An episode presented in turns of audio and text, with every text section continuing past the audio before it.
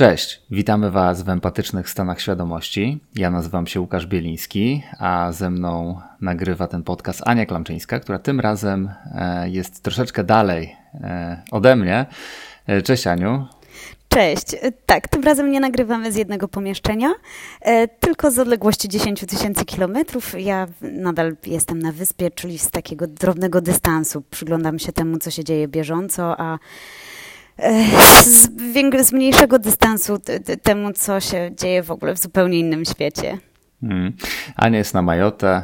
Pewnie wiele osób nawet nie wie, gdzie to jest. Ja też nie wiedziałem, więc poszukajcie w internecie, zobaczcie, że taka wyspa w ogóle istnieje. W każdym razie, wracając, wracając do naszego podcastu, e, Empatyczne Stany Świadomości to podcast, gdzie rozmawiamy o empatii, nonviolent communication. Pokazujemy, jak zmienić swoje podejście do myślenia, do życia, tak, żeby tworzyć relacje oparte na empatii, współczuciu, bliskości.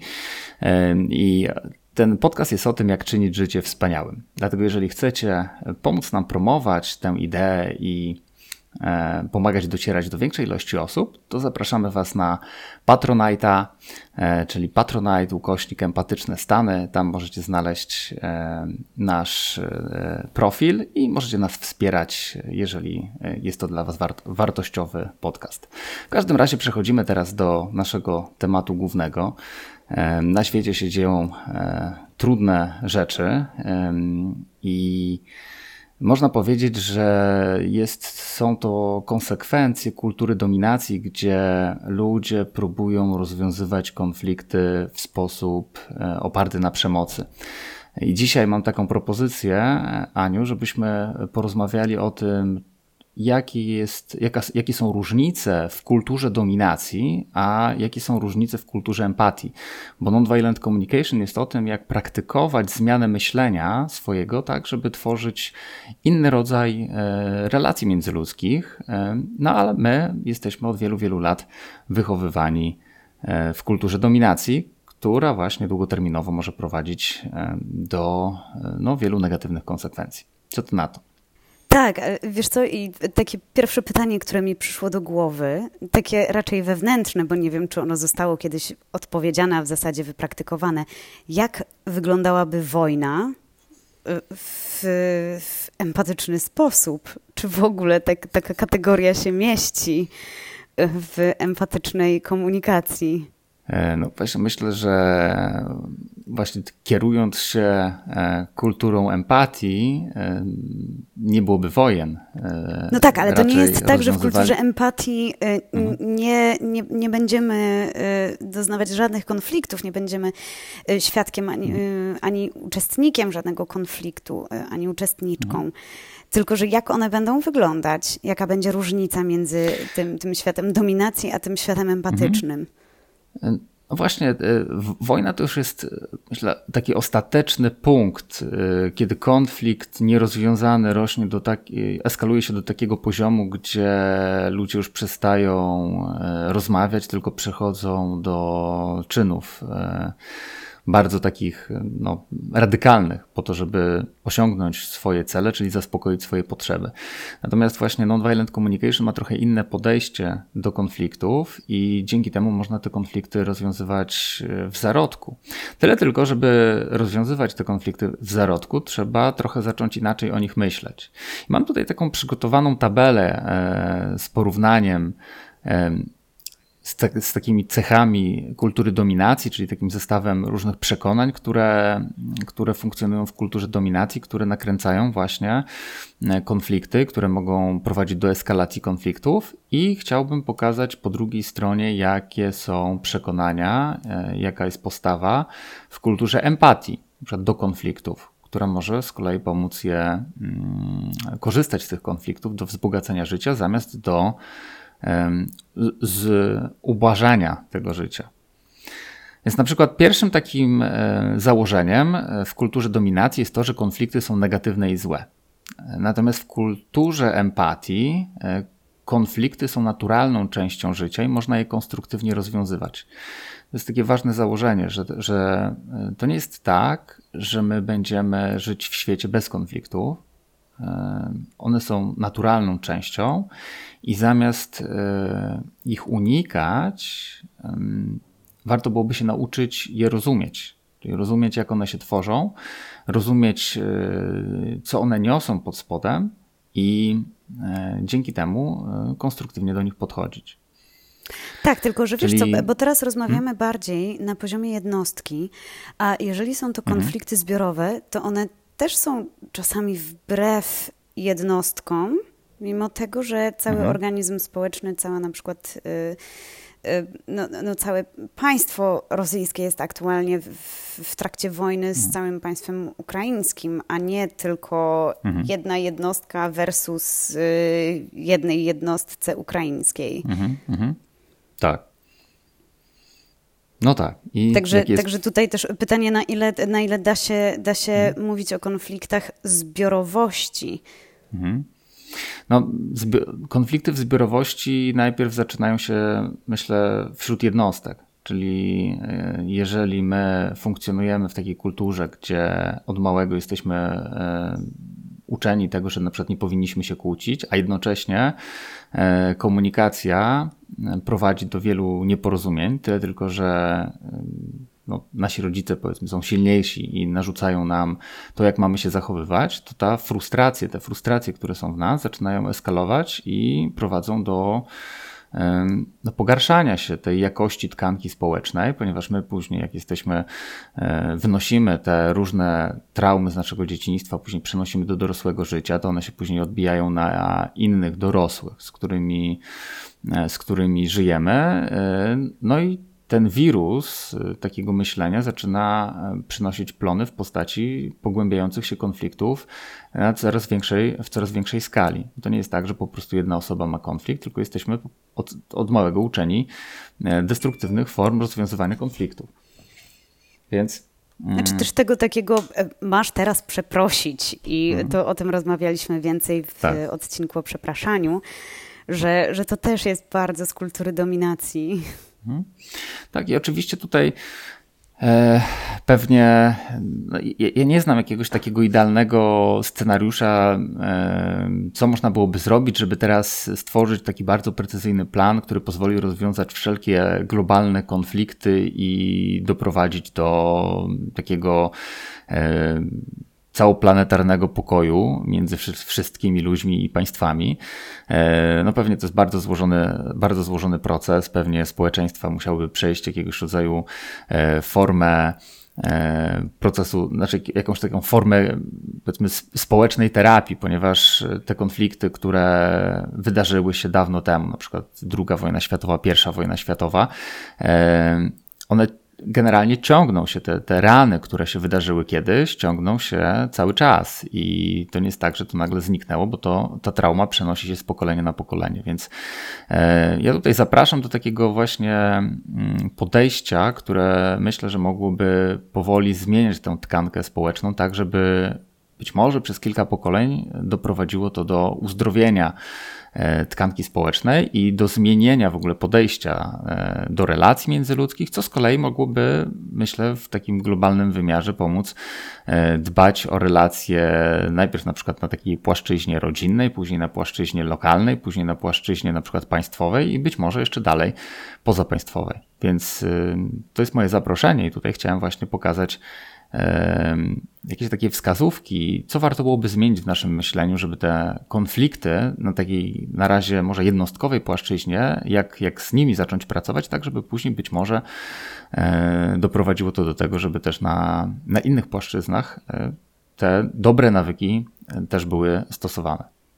To jest moje, moja perspektywa. Ale mhm. jeszcze zanim, zanim podasz te, te, tak, zanim podasz te dwie mhm. wskazówki, to czy dobrze pamiętam, że w, których, w którymś z państw, czy w którymś z regionów afrykańskich, gdzie właśnie był dość mocno zaogniony konflikt, że tam były prowadzone społeczne i tak na, na takiej szerszej grupie mhm. osób y, właśnie warsztaty enwisowe, mhm. które miały się sprowadzić do tego porozumienia mm, nieprzemocowego. Tak, tak, było to prowadzone. Czy, czy ty pamiętasz, y, no właśnie, ja jestem bardzo mhm. ciekawa, jaki był efekt tego i jaki jest długofalowy efekt, ale No to pewnie tak. Nie, nie zawsze i nie wszędzie jest możliwe do wdrożenia. Tak, no nie mam danych tutaj, e, no to, to dokładnych, jak to się rozwinęło, e, czyli e, tam Marshall Rosenberg, świętej pamięci twórca Nonviolent Communication, pracował z plemionami Tutsi Hutu, na przykład w Afryce, mediował między, między grupami. Jednocześnie no, trzeba sobie uświadomić, że no, jeden człowiek prowadzący mediację dla jakiejś nawet małej grupy, kilkudziesięciu osób, to jest kropla w morzu potrzeb. I marzeniem Marszala Rosenberga było to, żeby stworzyć masę krytyczną takiej ilości osób, tak dużej ilości osób na całym świecie, które znają nonviolent communication, żeby te zmiany zaczęły być globalne, ponieważ no jednostkowo nie jesteśmy w stanie na jakiejś tam w małej skali no, no zmienić świata. To, to wymaga naprawdę du dużego nakładu siły, dużego nakładu zasobów, dużego nakładu właśnie osób, które będą chciały praktykować inny sposób myślenia po to, żeby no, czynić to życie wspanialszym. To, żeby, żebyśmy na przykład, wiesz, tworzyli takie, ja miałem takie ostatnio bardzo ciekawe kontemplacje e, związane z tym, że mm, żeby pokazać może, że człowiek jest e, powiedzmy tym wyewoluowanym zwierzęciem, które e, ma prawo, może nawet nie, to nie jest to słowo ma prawo, czyli że właśnie jak to ubrać w słowa, że że można godnie reprezentować rodzaj ludzki. Tak? Taki, taki miałem wgląd, że fajnie byłoby tak zmienić swoje zachowania, tak zmienić swój sposób myślenia, żeby naprawdę godne było być człowiekiem. I, i to mi przyświeca właśnie, żeby, żeby iść w tym kierunku, żeby zmieniać siebie tak, żeby naprawdę fajnie było być człowiekiem, żeby ten człowiek nie, nie musiał być skazany na zagładę przez siły natury, tylko żeby rzeczywiście e, miał wartość w byciu, w istnieniu, w tym, żeby mógł ewoluować i dalej żyć. Więc y, myślę, że żeby to się mogło wydarzyć, to musimy dokonać jakichś zmian. Jeżeli nie, no to pewnie matka natura nas y, wykasuje i być może jakieś kolejne wyewoluują zwierzęta z tamtych, które przetrwają w jakiejś formie inteligentnej. Być może tamte kolejne gatunki sobie poradzą z tymi problemami, z którymi my sobie nie radzimy, ale może byłoby warto jednak zaryzykować i, popracować nad tym, żebyśmy my jako gatunek mogli przetrwać e, i funkcjonować dalej, żeby nie, nie trzeba było wymierać i E, i dawać przestrzeń na kolejny gatunek. No, no właśnie, dlatego chciałabym, dlatego chciałabym wrócić do tych Twoich dwóch wskazówek, żebyśmy jednak nie, nie e, no, dokonali samozagłady ze względu na to, że nie potrafimy w inny niż, niż przemocowy sposób rozwiązywać konfliktów. Mhm. No właśnie, więc e, zapraszam do takiej zmiany myślenia, więc e, może wróćmy do tej listy i, i chciałbym tutaj dać właśnie jakieś wskazówki, które mi przynajmniej lokalnie na razie pomagają e, dużo bardziej rozwiązywać konflikty, że widzę, że moje życie, odkąd zacząłem praktykować nonviolent communication, w bardzo wielu kontekstach zmieniło się na, e, na pozytyw. Oczywiście było to e, nie takie płynne i proste i momentalne, bo to wymagało e, dużego wysiłku, dużej pracy z mojej strony, ponieważ zmiana nawyków nie jest taka prosta. To jest jak to uczenie się nonviolent communication, to jest jak uczenie się nowego języka plus w ogóle nowego sposobu myślenia, czyli nawet nie tyle, że trochę inaczej będę mówił, ale też inaczej będę myślał i, o, i patrzył na świat. W związku z tym nie jest to proste, E, żeby, żeby zmienić, ale, ale jednocześnie jest to możliwe, jest to realne. Mam to w doświadczeniu, więc, więc gorąco zachęcam i polecam e, tę praktykę. To co, wracamy do, do listy? Tak, tak, mhm. do listy. Czyli tak, w kulturze dominacji musimy zrobić wszystko, co w naszej mocy, żeby konfliktów unikać. E, w kulturze Ojejku, ja już na to słowo musimy, na to słowo musimy już czuję tę przemoc. A w kulturze do empatii z kolei jest taka perspektywa, że konflikty powstają tam, gdzie płynie życie i gdzie ludzie mają marzenia, czyli ja chcę zaspokajać siebie, wyrażać siebie, żeby moja egzystencja mogła się wyrazić. I mogę czasami wybierać takie strategie, które dotkną w Twoje potrzeby, czyli w Twój Twoje bycie, Twoje wyrażanie siebie. Jeżeli spotkamy się w jakimś takim miejscu, w takim zderzeniu trochę, że się zderzymy, bo nie jesteśmy tak, tacy super świadomi, ja nie siedzę w Twojej głowie, Ty nie siedzisz w mojej głowie, ja nie czuję, e, jakie Ty akurat chcesz potrzeby w danym momencie zaspokajać, Ty nie czujesz, jakie ja e, potrzeby w danym momencie chcę zaspokajać. Jeżeli w jakimś, w jakimś momencie naszego życia e, nadepniemy sobie na stopę, to jest to tylko i wyłącznie informacja o tym, że ja chcę po prostu gdzieś iść i ty chcesz gdzieś iść i po prostu nadepnaś mi na stopę nieświadomie, więc ja cię mogę o tym poinformować, powiedzieć zobacz, stoisz mi na stopie, mnie to boli, e, wiem, że ty chcesz gdzieś iść, ja chcę gdzieś iść, to może poszukajmy alternatywnej drogi, która pozwoli nam dojść tam, gdzie my chcemy dojść, bez konieczności stania sobie na stopach. I wtedy nasze życie, nasza, e, nasze marzenia mogą być realizowane, czyli zamiast unikać tych konfliktów, bądźmy świadomi, że to jest e, jedynie informacja o tym, że my gdzieś, gdzieś nasza egzystencja chce płynąć i być może się nieświadomie zderzamy z drugą stroną, więc e, musimy się poinformować, jak, dlaczego my się zderzyliśmy, po to, żeby być zdolnym w znalezieniu alternatywnej drogi do e, wyrażania siebie. Więc to jest na przykład taka perspektywa. Dobra, a jeżeli, y, jeżeli nie obie strony chcą, a jedna chce, to czy to nie jest trochę patowa sytuacja, w której okej, okay, jedna, jedna strona chce dojść do porozumienia i do ustalenia, y, które strategie są no, inwazją na tę drugą stronę, a druga z kolei strona nie ma ochoty, chce w tej kulturze dominacji brnąć dalej E, czy, czy jesteśmy w stanie z tego wybrnąć, czy, czy po prostu mm, nie ma takiej możliwości? I tutaj kolejnym takim założeniem w kulturze empatii jest to, że ludzie chętniej przyczyniają się do zaspokajania naszych potrzeb, jeżeli ich potrzeby będą też wzięte pod uwagę. Więc yy, zazwyczaj taka sytuacja patowa to jest sytuacja, w której jedna strona ma na przykład jakieś przekonania e, związane z tym, że na przykład e, ta druga strona chce wywrzeć jakąś presję, kogoś zmusić do czegoś. Natomiast jeżeli my przejdziemy z komunikacji o tym, co trzeba robić, czyli na przykład chcę, żebyś te sławetne szklanki posprzątała i, włożyła do zmywarki, już wielokrotnie przewijający się przykład w naszych, w naszych e, spotkaniach, w naszych rozmowach, to nie chodzi wcale o te szklanki, tylko często chodzi o zupełnie o coś innego. Więc jeżeli my usłyszymy, o co tak naprawdę chodzi, że ja na przykład chcę być brany pod uwagę, że ja chcę ufać, że na przykład moje potrzeby są dla ciebie ważne, no to no to wtedy, jak e, ty usłyszysz, o co tak naprawdę chodzi, no to dlaczego, dlaczego miałabyś tego nie chcieć? Dlaczego nie chciałabyś jakby wzbogacać mojego życia? Jeżeli wiesz, że mi to sprawia przyjemność, jeżeli wiesz, że ja ci nie narzucam sposobu, w jaki masz to robić. Tylko, że mówię, że na przykład coś mnie boli, na przykład ważny jest dla mnie porządek i chciałbym to zadbać, bo po prostu mnie to boli, jak na przykład jest to taki, taki, w taki sposób.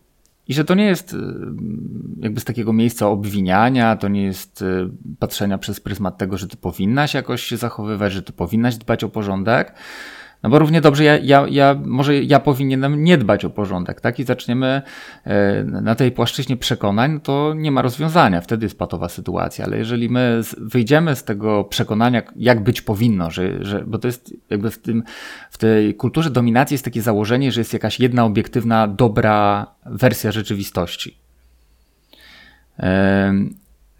i, i że ona jest obiektywna dla wszystkich. Znaczy jest też bardzo jasne przekonanie, y, jak, jaka jest zła wersja rzeczywistości. Mhm. No właśnie, więc, więc tutaj, jeżeli wyjdziemy w ogóle z tego myślenia, że nie ma dobrej i złej wersji rzeczywistości, tylko jest rzeczywistość taka, jaka jest, czyli że jest szklanka na stole i ona jest neutralna, po prostu stoi sobie szklanka na stole, no to komuś może to naciskać na guzik i dotykać jakiejś potrzeby, a komuś nie będzie naciskać na guzik i nie będzie dotykać potrzeby jakiejś. I nie chodzi, że ta szklanka być powinna albo nie powinna, tylko jest to bardzo kontekstowe. Mi to dotyka, razem tworzymy jakąś relację. No i w takim razie, wiesz, no nie jesteśmy wolnymi elektronami, więc twoje zachowania wpływają też na, na moje potrzeby, moje zachowania wpływają na twoje potrzeby i pytanie, dlaczego mielibyśmy sobie nie robić dobrze, po prostu. Dlaczego skoro wchodzimy w relacje, nie, nie chcemy, mielibyśmy nie chcieć robić sobie przyjemności. No, więc tutaj, jeżeli zmieni się to podejście, gdzie nie będziesz czuć jakiegoś przymusu, presji, chęci zmuszenia albo jakiegoś, nie wiem, obwiniania, że powinnaś się jakoś zachować, dlaczego miałabyś nie chcieć mnie e, wspierać w zaspokajaniu moich potrzeb? I wspierać nie jest równoznaczne z robieniem tego, co ja chcę, bo być może ty nie masz ochoty e, akurat w taki sposób chować tej szklanki, jaki ja sobie wymyśliłem. Natomiast nie chodzi właśnie o o to, żeby właśnie ulec później temu zachowaniu, które, które ja mm, proponuję, tylko być w tej świadomości, że my możemy szukać alternatyw, tak? Że jeżeli takie zachowanie ci nie pasuje, to poszukajmy innych, bo ja też chcę na przykład zadbać o twoje potrzeby, ja też chcę tobie robić dobrze. No i wtedy możemy znaleźć takie rozwiązania. Więc... Na przykład używać tylko jednorazowych mhm. naczyń. Na przykład, nie? Chociaż ja myślę, że to zazwyczaj, że to zazwyczaj jest na, naprawdę tak mały wysiłek energetyczny, że tu często kompletnie nie chodzi o te szklanki, że naprawdę to nie jest problem. Nawet jak nie lubimy sprzątać, to zazwyczaj to nie jest jakiś problem, tylko to jest na przykład albo ja mam jakiś problem e, z jakimś brakiem nawyków, a może ja mam jakieś traumy związane ze sprzątaniem e, i, i że to jest dla mnie jakieś wielkie wyzwanie, albo po prostu się nie nauczyłem zwracać na coś uwagę, uwagi. I to jest kwestia tego, że ja mogę zmienić swoje nawyki. I dlaczego miałbym nie chcieć ich zmienić, jeżeli jestem z kimś yy, i, i słyszę, że to mogłoby mu wzbogacić życie? No, mi to sprawia przyjemność, jeżeli mam świadomość, że mogę uczynić czyjeś życie wspanialszym, to, bo to też czyni moje życie wspanialszym. Więc dlaczego miałbym nie chcieć zmienić nawyku? Oczywiście najczęściej jest tak, że tam pod spodem jest wiele różnego rodzaju może zaszłości, jakiegoś utraty zaufania i że, że, że, że, tak jak już we wcześniejszych naszych spotkaniach mówiłem, że ludzie kompletnie nie kłócą się o to, co im się wydaje, że się kłócą, że tu kompletnie o tą szklankę nie chodzi, że tam często jest jakiś smutek związany z tym, że kiedyś coś się wydarzyło, ja straciłem zaufanie, ja nie wiem, czy moje potrzeby są ważne, ja straciłem bliskość z tobą. I ta szklanka jest jedynie takim czubkiem góry lodowej tych, tych niewyrażonych, e, niewyrażonych potrzeb, niewyrażonych e, problemów, które gdzieś w sobie skrywamy. I jak je się wyrazi, je się oczyści, to ja nie widzę żadnych przeszkód w tym, żeby powiedzmy, wiesz, po, po sobie szklankę schować do zmywarki mając w pamięci to, że po prostu tobie to sprawia przyjemność. Po prostu. Nawet może nie przyjemność, tylko wiąże się dla mnie z, z zaspokojeniem potrzeb i tyle. Mhm. No tak. No i pewnie zaspokojenie potrzeb generuje jakieś przyjemne emocje, tak? Więc, więc albo, albo nie generuje nieprzyjemnych, nie? Więc, yy, więc właśnie. Wracając do naszej listy. Czy ty, ty, jesteś, właśnie, chciałam się zapytać, czy ty jesteś gotowy na kolejny punkt z listy? Tak, tak, tak. E, czyli w kulturze dominacji konflikty wywołują ludzie uciążliwi, awanturnicy, dlatego potrzebujemy efektywnych środków kontroli. Mm. E, natomiast e, no, ludzie czasami się frustrują i mogą próbować e, zaspokoić swoje potrzeby poprzez jakieś zachowania agresywne, tak? bo jest w kulturze empatii jest takie przekonanie, że każde zachowanie służy zaspokajaniu potrzeb. E, więc e, zazwyczaj problem jest taki, że my nie potrafimy komunikować się w ten konstruktywny sposób i wyrażać swoich potrzeb, tylko zazwyczaj reagujemy w takie tak nawykowo za, za pomocą na przykład przemocy jakiejś formy albo właśnie robienia rzeczy, które sprawiają innym trudność, po to tylko, żeby na przykład pokazać im, że my też chcemy zadbać o jakieś ważne dla nas potrzeby. E, I właśnie zmiana tej, tej perspektywy pozwala widzieć nie w ludziach jakichś awanturników, uciążliwości, tylko że te osoby po prostu na razie nie, nie widzą alternatywnych strategii na zaspokojenie potrzeb. Więc yy, takim kolejnym założeniem w kulturze empatii jest to, że konflikty mogą wzbogacić i pomóc w odkrywaniu nowych, kreatywnych strategii współpracy w celu zaspokojenia potrzeb każdego człowieka. Czyli to może wymagać trochę energii, żeby się zastanowić, jak my możemy inaczej zadbać o te nasze potrzeby. Bo jak my będziemy yy, ufać, że ludzie chcą dbać o swoje potrzeby nawzajem, to naprawdę przestaje być potrzebna kontrola. Bo po prostu ja ufam, że ktoś ma taką postawę i taką ochotę, e, i przyjemność z tego, żeby dbać o e, moje potrzeby, więc, e, więc ja nie muszę kontrolować drugiego człowieka, tylko mogę z nim rozmawiać o tym, że te mm, potrzeby mam niezaspokojone. Hmm? Oczywiście na początku. Czyli zaufanie wiąże, zaufanie wiąże się z tym, że ufamy, że ktoś E, będzie słuchał, jakie są nasze potrzeby i będzie starał się mm, nie podejmować strategii e, w konflikcie z tymi potrzebami? Także, tak byś zdefiniował zaufanie? E, zaufanie, czyli takie poczucie, że, no, że moje potrzeby będą wzięte pod uwagę. Tak, że ja nie muszę na, na siłę o nie walczyć, tylko rzeczywiście my możemy to zrobić w dialogu ale żeby ten dialog był możliwy, no to ta druga strona też musi ufać, bo zazwyczaj jesteśmy, zazwyczaj nasz dialog polega właśnie na zadawaniu sobie cierpienia w takich sytuacjach konfliktowych, czyli na przykład ocenianiu, bo ty jesteś egoistką, bo ty coś tam, bo ty znowu czegoś nie zrobiłaś, jesteś jak moja matka i tak dalej, więc jeżeli ludzie mają przekonanie, że rozmowa będzie e, tylko zaogniać konflikt, no to nie chcą rozmawiać. Jak nie chcą rozmawiać, no to wtedy ciężko jest o to, żeby e, mieć takie zaufanie, że potrzeby zostaną zaspokojone, no bo druga strona jakoś telepatycznie nie dowie się, e, jakie potrzeby ma nam zaspokoić. Więc jeżeli my jesteśmy od małego uczeni tego, że rozmowy e, na, o, o związane z, z konfliktem zazwyczaj ten konflikt pogłębiają, no to tracimy zaufanie do tego, że możemy o tym rozmawiać.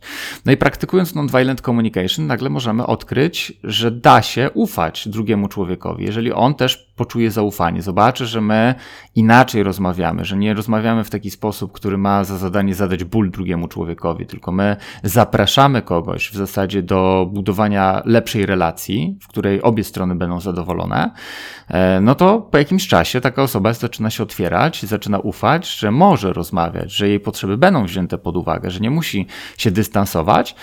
E, I wtedy e, z kolei to buduje zaufanie, że no nie będzie trzeba takiej osoby kontrolować, bo jeżeli my ufamy sobie, że my możemy o wszystkim pogadać i że nie będzie gorzej, tylko będzie lepiej, no to nie musimy się automatycznie kontrolować. No bo po co się kontrolować, skoro ja wiem, ja ufam tobie, że ja mogę po prostu z tobą pogadać, jeżeli coś będzie nie, nie okej. Okay.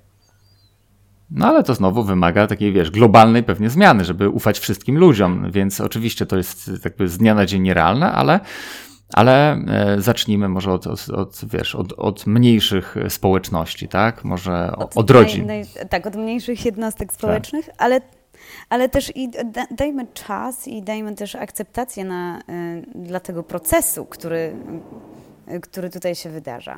Tak. I, i właśnie, kolejna taka perspektywa. W kulturze dominacji może być takie przekonanie, że porządek i harmonia pojawi się wówczas, gdy pokonamy stronę przeciwną.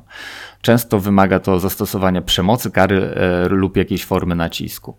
Dlatego właśnie mamy w doświadczeniu to wielokrotnie, że to jest tylko krótkoterminowe. Nawet no, no, no, nie, nie pojawia się pokój i zadowolenie. Tylko jeżeli e, druga strona uległa, i teraz nie ma siły, żeby walczyć, no to na jakiś czas, e, na jakiś czas ta strona e, no, wejdzie w taką relację uległości. Tylko, że to nie jest równoznaczne z porządkiem i harmonią i pokojem. Tylko ja w tym momencie nie mam siły na walkę, więc ja wchodzę w uległość i oczywiście we mnie kumuluje się frustracja związana z tym, że moje potrzeby nie są brane pod uwagę, rośnie energia e, w postaci emocji i w pewnym momencie wybucha w postaci walki. Czyli teraz ja chcę e, zawalczyć o siebie i doprowadzić do harmonii i porządku poprzez e, pokonanie tej strony, która mnie wcześniej pokonała. No i czasami jest takie błędne przekonanie, że jak się wyeliminuje pewną grupę społeczną, no to po prostu się, nie wiem, no jak się usunie Żydów, tak, to nagle nie będzie, będzie pokój na świecie. Usunie się osoby, nie wiem, czarnoskóre, to będzie pokój na świecie. Usunie się e, jakąś tam, jak, jak, jak, jakąś nację, to będzie porządek na świecie. Tylko e, wszystkie osoby e, mniej lub bardziej są w jakichś relacjach także z innymi osobami, tak? Czyli, czyli no, no nie wiem, osoby ciemnoskóre mają przyjaciół o, o jasnej skórze, tak? I o innych kolorach skóry, więc generalnie to, że wyeliminujemy wszystkich, wiesz, ciemnoskórych, to, to, to nie znaczy, że inne osoby nie będą cierpieć. Po prostu to jest, jesteśmy jedną wielką rodziną, jakąś powiązań, jakiś, jakiś siatką powiązań, siatką relacji i nie da się, nie ma czegoś takiego jak pokonanie jakiejś grupy społecznej, bo zawsze jakaś grupa społeczna ma relacje z jakimiś innymi grupami społecznymi, które mają relacje z innymi grupami społecznymi, gdzie jest ta sie sieć, e, sieć relacji, e, więc e, no dotykając tak, do, doprowadzi do cierpienia kogoś i jeżeli nawet by się wyeliminowało wszystkich z jakiejś nacji, to przyjaciele tamtych osób się będą na przykład mścić za tamte osoby, które mogą być z innej nacji. Inne nacje mogą być w przyjaźni z tamtymi osobami, się mścić, więc generalnie no to jest taka jedna wielka iluzja, że w taki sposób da się doprowadzić do porządku i harmonii, że to jest po prostu nierealne. Dlatego Kultura empatii proponuje takie spojrzenie, że konflikty przynoszą najwięcej e, pożytku, jeśli zajmujemy się nimi, stosując metodę wygrany-wygrany, gdzie e, właśnie e, koncentrujemy się na tym, żeby po prostu dbać o potrzeby każdej ze stron. I odróżniając przede wszystkim potrzeby od strategii, bo często jak, jak się mówi, że no nie da się zadbać o potrzeby wszystkich osób, no to patrzymy często przez tą perspektywę strategii. No, że jeżeli ja chcę jechać na wakacje, nie wiem, nad morza, ty chcesz jechać w góry, no to nie da się zaspokoić potrzeb. No, tylko, że właśnie NVC, e, czy to podejście empatyczne pokazuje, że, że to w ogóle nie są potrzeby, czyli ty nie masz potrzeby jechać na, w góry, a ja nie mam potrzeby jechać nad morze, tylko pod tymi strategiami, bo to jest strategia, są potrzeby. I o nich możemy rozmawiać i jest wiele alternatyw. Czyli jeżeli ty chcesz doświadczyć, no... Znaczy, coś, co, coś, co, mhm. coś, co ja bardzo sobie dobrze zapamiętałam, że potrzeby nie mogą być w konflikcie, że strategie mogą być w konflikcie, a, ale potrzeby nie. Tak. I oczywiście może być sytuacja, że w danym momencie nie, nie, nie jesteśmy w stanie zaspokoić wszystkich potrzeb na 100%, Natomiast, y, no i wtedy, wtedy musimy wybrać, czyli ok, dzisiaj jednak wybieram jakieś tam potrzebę X, a, e, ale mam zaufanie, że potrzeba Y za jakiś czas e, może zostać zaspokojona, tak? Tylko, że po prostu nie mam na razie takiej strategii, która momentalnie pozwoli mi o to zadbać. A? Czyli jak mam na przykład, jestem zmęczony i potrzebuję odpoczynku, a jednocześnie na przykład potrzebuję bezpieczeństwa finansowego e, i na przykład z jednej strony chciałbym pojechać na wakacje na dwa tygodnie, i odpocząć, a z drugiej strony trochę boję się wydać tych pieniędzy, bo nie mam płynności finansowej, no to powiedzmy, ja mogę wybrać, że okej, okay, na ten moment nie zaspokoję swojej potrzeby odpoczynku w taki sposób, jaki bym chciał. E, skupiam się na zaspokojeniu mojej potrzeby bezpieczeństwa, a jednocześnie przynajmniej trochę staram się zadbać o ten odpoczynek, czyli powiedzmy zamiast wyjeżdżając na dwa tygodnie, postaram się, nie wiem, raz w tygodniu wyjść na jakiś spacer do lasu, żeby na godzinkę, żeby się zregenerować. I, I, oczywiście, że to jest może kropla w morzu. Zmienisz strategię. Tak, że to jest kropla w morzu potrzeb, ale, e, ale zaczynam dbać o siebie. I dzięki temu już mam większy luz, bo mogę znaleźć rozwiązanie, które jakoś długoterminowo pozwoli mi o te potrzeby zadbać.